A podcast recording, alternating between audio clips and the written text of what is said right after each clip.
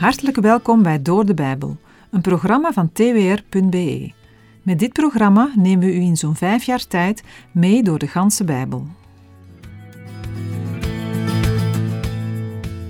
Na een korte terugblik gaan we zo meteen, in uitzending 720, verder lezen in Filippenzen. Laten we, waar mogelijk, hulp bieden aan mensen die hun leven inzetten voor het evangelie.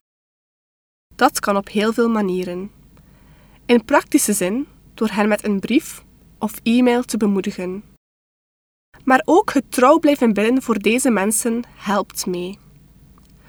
Paulus roept de Filippenzen op om deze mensen in ere te houden en met blijdschap te ontvangen.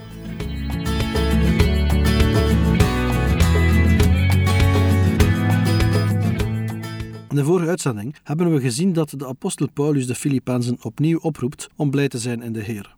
Dat deze blijdschap in de Heer moet zijn, geeft de reden en de richting aan van de blijdschap. Jezus Christus heeft de gelovigen verlost en zij mogen zich verblijden in de geloofsrelatie met Hem. Deze gerichtheid op Christus zal de gelovigen steun en kracht geven in moeilijke omstandigheden. Een van die moeilijke omstandigheden is het feit dat er joods-christelijke dwaalleraren actief waren in de gemeente van Filippi.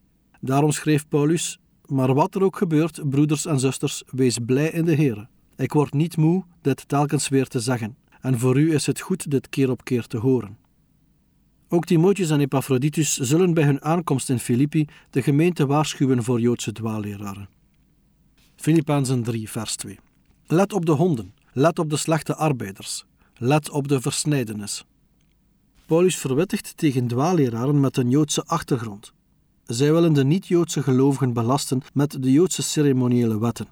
Net als in de brief aan de Galaten worden deze boosdoeners door Paulus fel bestreden. Paulus noemt hen honden. Dat werd door Joden vaak gebruikt als scheldwoord voor niet-Joden. Voor Joodse mensen waren honden onrein. In Openbaring 22, vers 15 staat: Maar buiten bevinden zich de honden, de tovenaars, de ontuchtplegers, de moordenaars, de afgodendienaars en ieder die de leugen lief heeft en doet. Paulus gebruikt hier de benaming honden voor zijn Joodse tegenstanders, waarschijnlijk omdat ze hun boodschap brachten uit onzuivere motieven. Net zoals honden straten aflopen op zoek naar voedsel en voorbijgangers lastigvallen, zo zijn ook deze boosdoeners. In Jesaja 56, versen 9 tot en met 12 gaat het over slechte leiders. Ook daar wordt een vergelijking met honden gemaakt. In vers 11 van de genoemde passage staat: Deze honden zijn vraatzuchtig. Zij kennen geen verzadiging. Ja, zij zijn herders die niet tot inzicht weten te komen. Zij allen keren zich naar hun eigen weg. Ieder is uit op eigen gewin, niemand uitgezonderd. Paulus roept de gelovigen van Filippi op om waakzaam te zijn. Kijk uit voor de boosdoeners die u willen besnijden. Valse honden noem ik hen.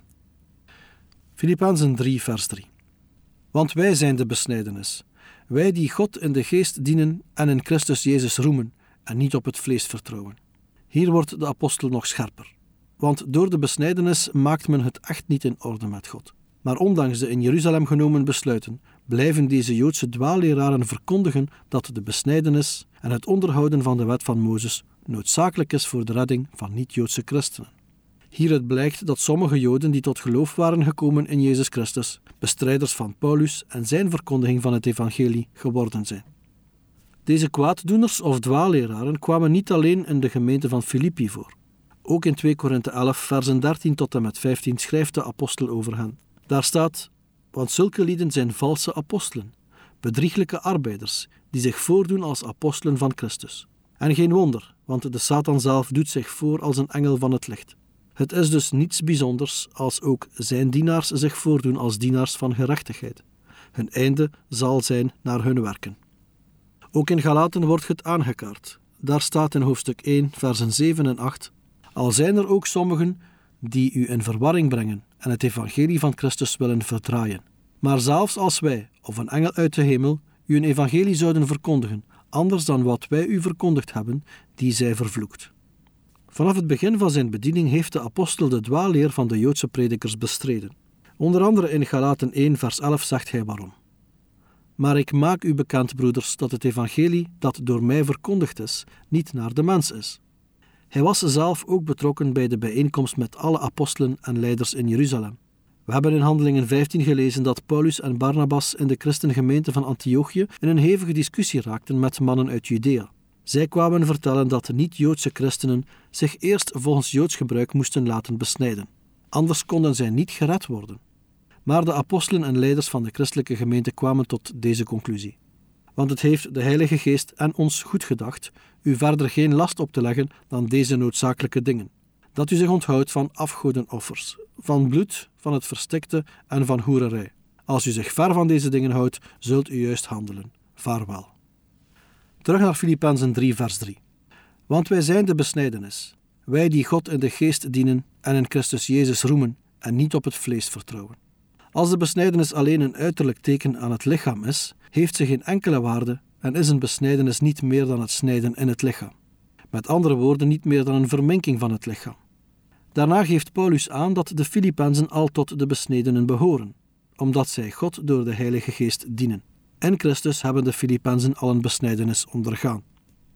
In Colossensen 2 vers 11 staat In hem bent u ook besneden met een besnijdenis die niet met handen plaatsvindt, door het uittrekken van het lichaam van de zonden van het vlees, door de besnijdenis van Christus. En in Romeinen 2 versen 28 en 29 staat Want niet hij is Jood, die het in het openbaar is, en niet dat is besnijdenis, die in het openbaar in het vlees plaatsvindt, maar hij is Jood, die het in het verborgene is. En dat is besnijdenis, die van het hart is, naar de geest, niet naar de letter. Zijn lof is niet uit mensen, maar uit God. De besnijdenis door de geest bestaat in het afsterven van het vlees, het niet langer vertrouwen op eigen kracht en mogelijkheden. Het is een volkomen overgave aan Christus. Het dienen van God gebeurt dus niet meer door te proberen aan alle wetsvoorschriften te voldoen, maar door zich te laten leiden door de Heilige Geest. De zekerheid van de redding van een gelovige ligt dan niet meer in de eigen verdiensten of in het als Jood geboren zijn, maar volledig in Christus, die door zijn stervende gelovigen rechtvaardig heeft verklaard. Het in Christus roemen houdt in dat de gelovige uitsluitend vertrouwt op wat Jezus Christus voor hem heeft gedaan. Steeds opnieuw en op verschillende plaatsen moest Paulus tegen de Joodse dwaaleraars optreden. Ook in Titus 1, versen 10 en 11 schrijft hij: Want er zijn ook veel opstandigen, mensen die zinloos praten en misleiders, vooral die van de besnijdenis zijn. Men moet hun de mond snoeren. Zij brengen hele huisgezinnen in verwarring door te leren wat onbehoorlijk is, om schandelijke winst. Filippenzen 3, vers 4. Hoewel ik reden heb om ook op het vlees te vertrouwen, als iemand anders denkt te kunnen vertrouwen op het vlees, ik nog meer. In het algemeen gebruikt de apostel het woord vlees om de zondige natuur van de mens aan te geven, de oude mens, de mens zonder Christus. Hier gebruikt Paulus het woord als een aanduiding voor een lichamelijke afstamming. Zijn Joodse of Joodsgezinde tegenstanders meenden dat zij konden vertrouwen op de mogelijkheid om als natuurlijk mens, door het onderhouden van de wet, het met God in orde te maken. Bovendien meenden zij door hun besnijdenis een verbond te hebben met de Heer en door hun Joodse afstamming uitverkoren te zijn. Paulus geeft daarom aan dat hij op het terrein van de afstamming al zijn tegenstanders overtreft. Eenzelfde argumentatie vinden we in 2 Korinthe.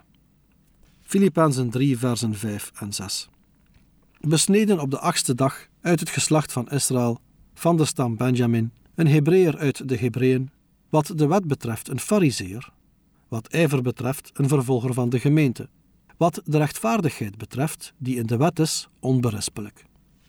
Als er iemand was die op godsdienstige gronden meende het met God in orde te kunnen maken, dan was het Paulus wel. De apostel noemt zeven punten waarop hij vroeger vertrouwde. Laten we ze eens bekijken. Het eerste dat de apostel noemt is besneden op de achtste dag. Het voorschrift van de besnijdenis op de achtste dag is een basisregel in de wet. De wet die Mozes namens de Heere aan de Israëlieten moest geven. Paulus' ouders lieten hem op de achtste dag besnijden. Zij waren gelovige mensen. Hij groeide op in een familie die trouw was aan de wet van God. In het Evangelie naar Lucas lezen we dezelfde dingen over de ouders van Johannes de Doper en de Heere Jezus. Ook vandaag is het een grote zegen om gelovige ouders te hebben die een voorbeeld zijn voor hun kinderen, door het geloof in God voor te leven en uit te dragen. Het tweede punt dat de apostel noemt is uit het geslacht van Israël. Paulus was van geboorte een Jood en hoorde bij het volk Israël. Hij was geen proseliet of een Jodengenoot, zoals sommige van de dwaalleraren. Een Jodengenoot is iemand van niet-Joodse afkomst die zich tot het Jodendom had bekeerd. Het derde punt dat de apostel noemt is van de stam Benjamin. De stam Benjamin had binnen Israël een speciale plaats. Israëls eerste koning Saul kwam uit de stam van Benjamin. Paulus was naar hem genoemd. Deze stam van Benjamin bleef als enige trouw aan het koningshuis van David toen de andere stammen afvielen. Het vierde punt dat de apostel noemt is een Hebreer uit de Hebreeën. Paulus wil met deze woorden uitdrukken dat hij uit een echte Joodse familie komt en volledig volgens de Joodse wetten is opgevoed. Paulus hoorde bij de hoogste godsdienstige laag van de bevolking, maar aan zijn afkomst kon Paulus zelf niets doen. In de volgende punten daarentegen volgen een aantal zaken waarin de eigen keuze en persoonlijke levensinstelling van Paulus wordt weergegeven. Het vijfde punt dat de apostel noemt is, wat de wet betreft, een fariseer. Paulus was volledig volgens de Joodse wetten opgevoed, maar met betrekking tot het onderhouden van de wet koos Paulus voor de partij van de fariseeën. Daarmee streefde hij de meest strenge naleving van de Joodse wet na.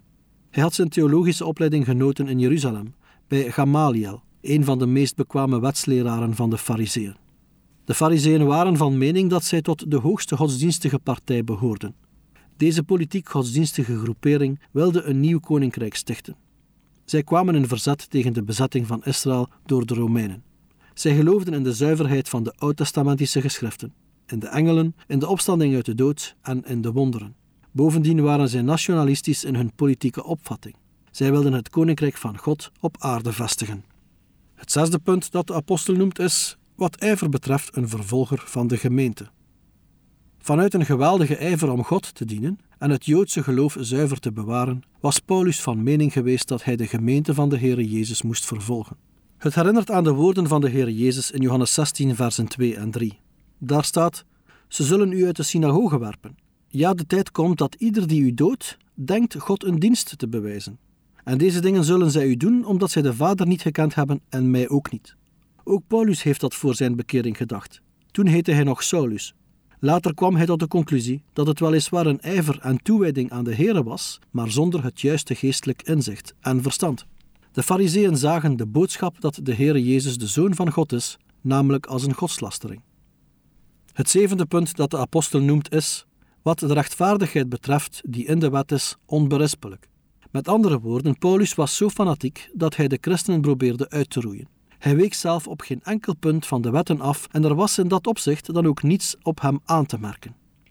Volgens de Joodse gedachtegang was het mogelijk de wet zo te houden dat een mens aan alle voorschriften voldeed. Daarmee was een mens dan uiterlijk voor de wet rechtvaardig. Daarbij meende onder andere de Fariseeën ook voor God rechtvaardig te zijn. Maar Paulus was na zijn bekering tot een heel andere conclusie gekomen. Het is voor een zondig mens onmogelijk om op geen enkel punt van de wetten van God af te wijken en door eigen inspanning rechtvaardig voor God te worden. De Heer kijkt namelijk naar het hart en de motivatie.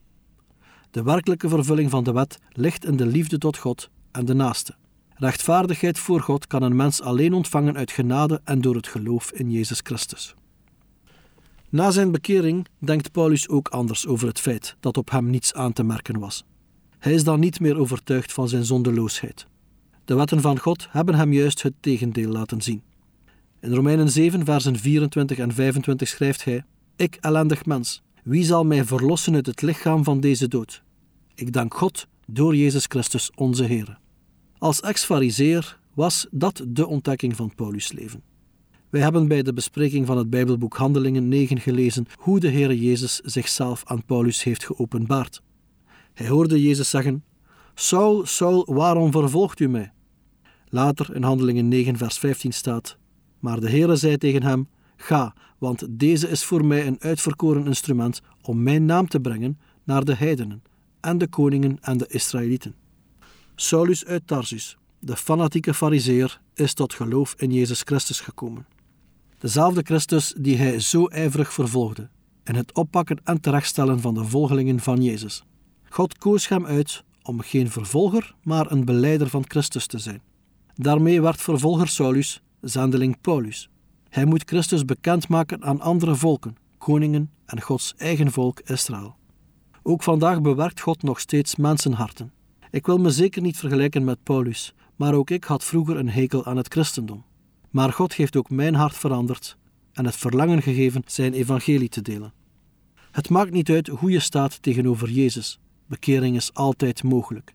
In Lucas 15, vers 7 staat: Ik zeg u dat er evenzo blijdschap zal zijn in de hemel over één zondaar die zich bekeert, meer dan over 99 rechtvaardigen die de bekering niet nodig hebben.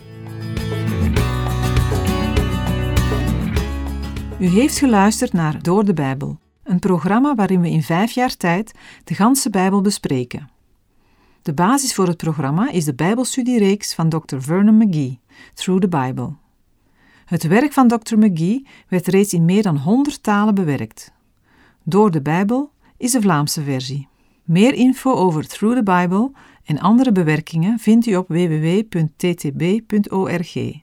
Bovendien is bij de productie van het programma dankbaar gebruik gemaakt van de studiebijbel van het Centrum voor Bijbelonderzoek. De studiebijbel online werd gebruikt voor research en wordt ook met toestemming regelmatig geciteerd. Meer informatie vindt u op www.studiebijbel.nl. Wij raden een abonnement op de Studiebijbel-app aan, als u nog dieper op de Bijbel wilt ingaan. U kan elke werkdag naar een nieuwe uitzending luisteren en u kan ook steeds voorbije uitzendingen opnieuw beluisteren of downloaden. Als u wilt reageren op deze uitzending of u heeft vragen, dan kunt u uiteraard contact met ons opnemen.